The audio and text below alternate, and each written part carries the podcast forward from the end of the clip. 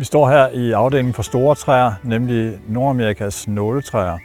Øh, og ingen af træerne bliver større end øh, mammuttræet, som står her bag ved mig, øh, Sequoia dendron giganteum.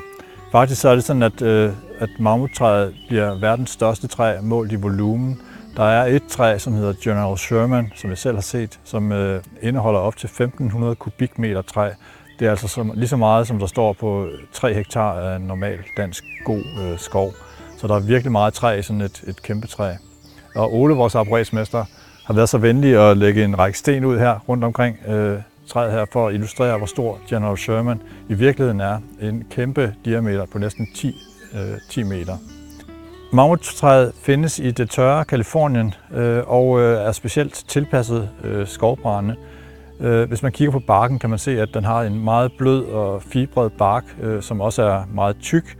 Øh, den bark den beskytter træet mod skovbrænde, øh, når, der, når den slags ting øh, optræder, i, som det tit gør i, i Kalifornien.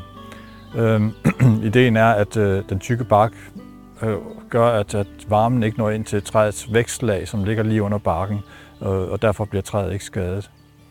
Desværre så er det sådan, at, øh, at øh, den måde, som brandøkologien øh, er på nu, har ændret sig. Hvor der tidligere var, var hyppige brænde i, i Kalifornien, øh, som ikke var særlig voldsomme, så øh, har man nu ændret praksis, så man prøver at undgå øh, brænde.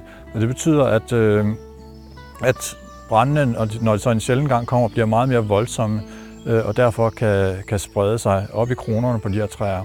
Ideen er ellers, at, at på grund af deres enorme højde, så vil øh, kronerne undgå at blive skadet af, af småbrænde, der findes nede under, under træet. Øh, men i og med, at der sker en ophobning af materiale øh, på grund af få brænde, så bliver brændene meget voldsommere og kan derfor skade øh, træerne. Og det er altså en trussel imod træerne nu om dagen.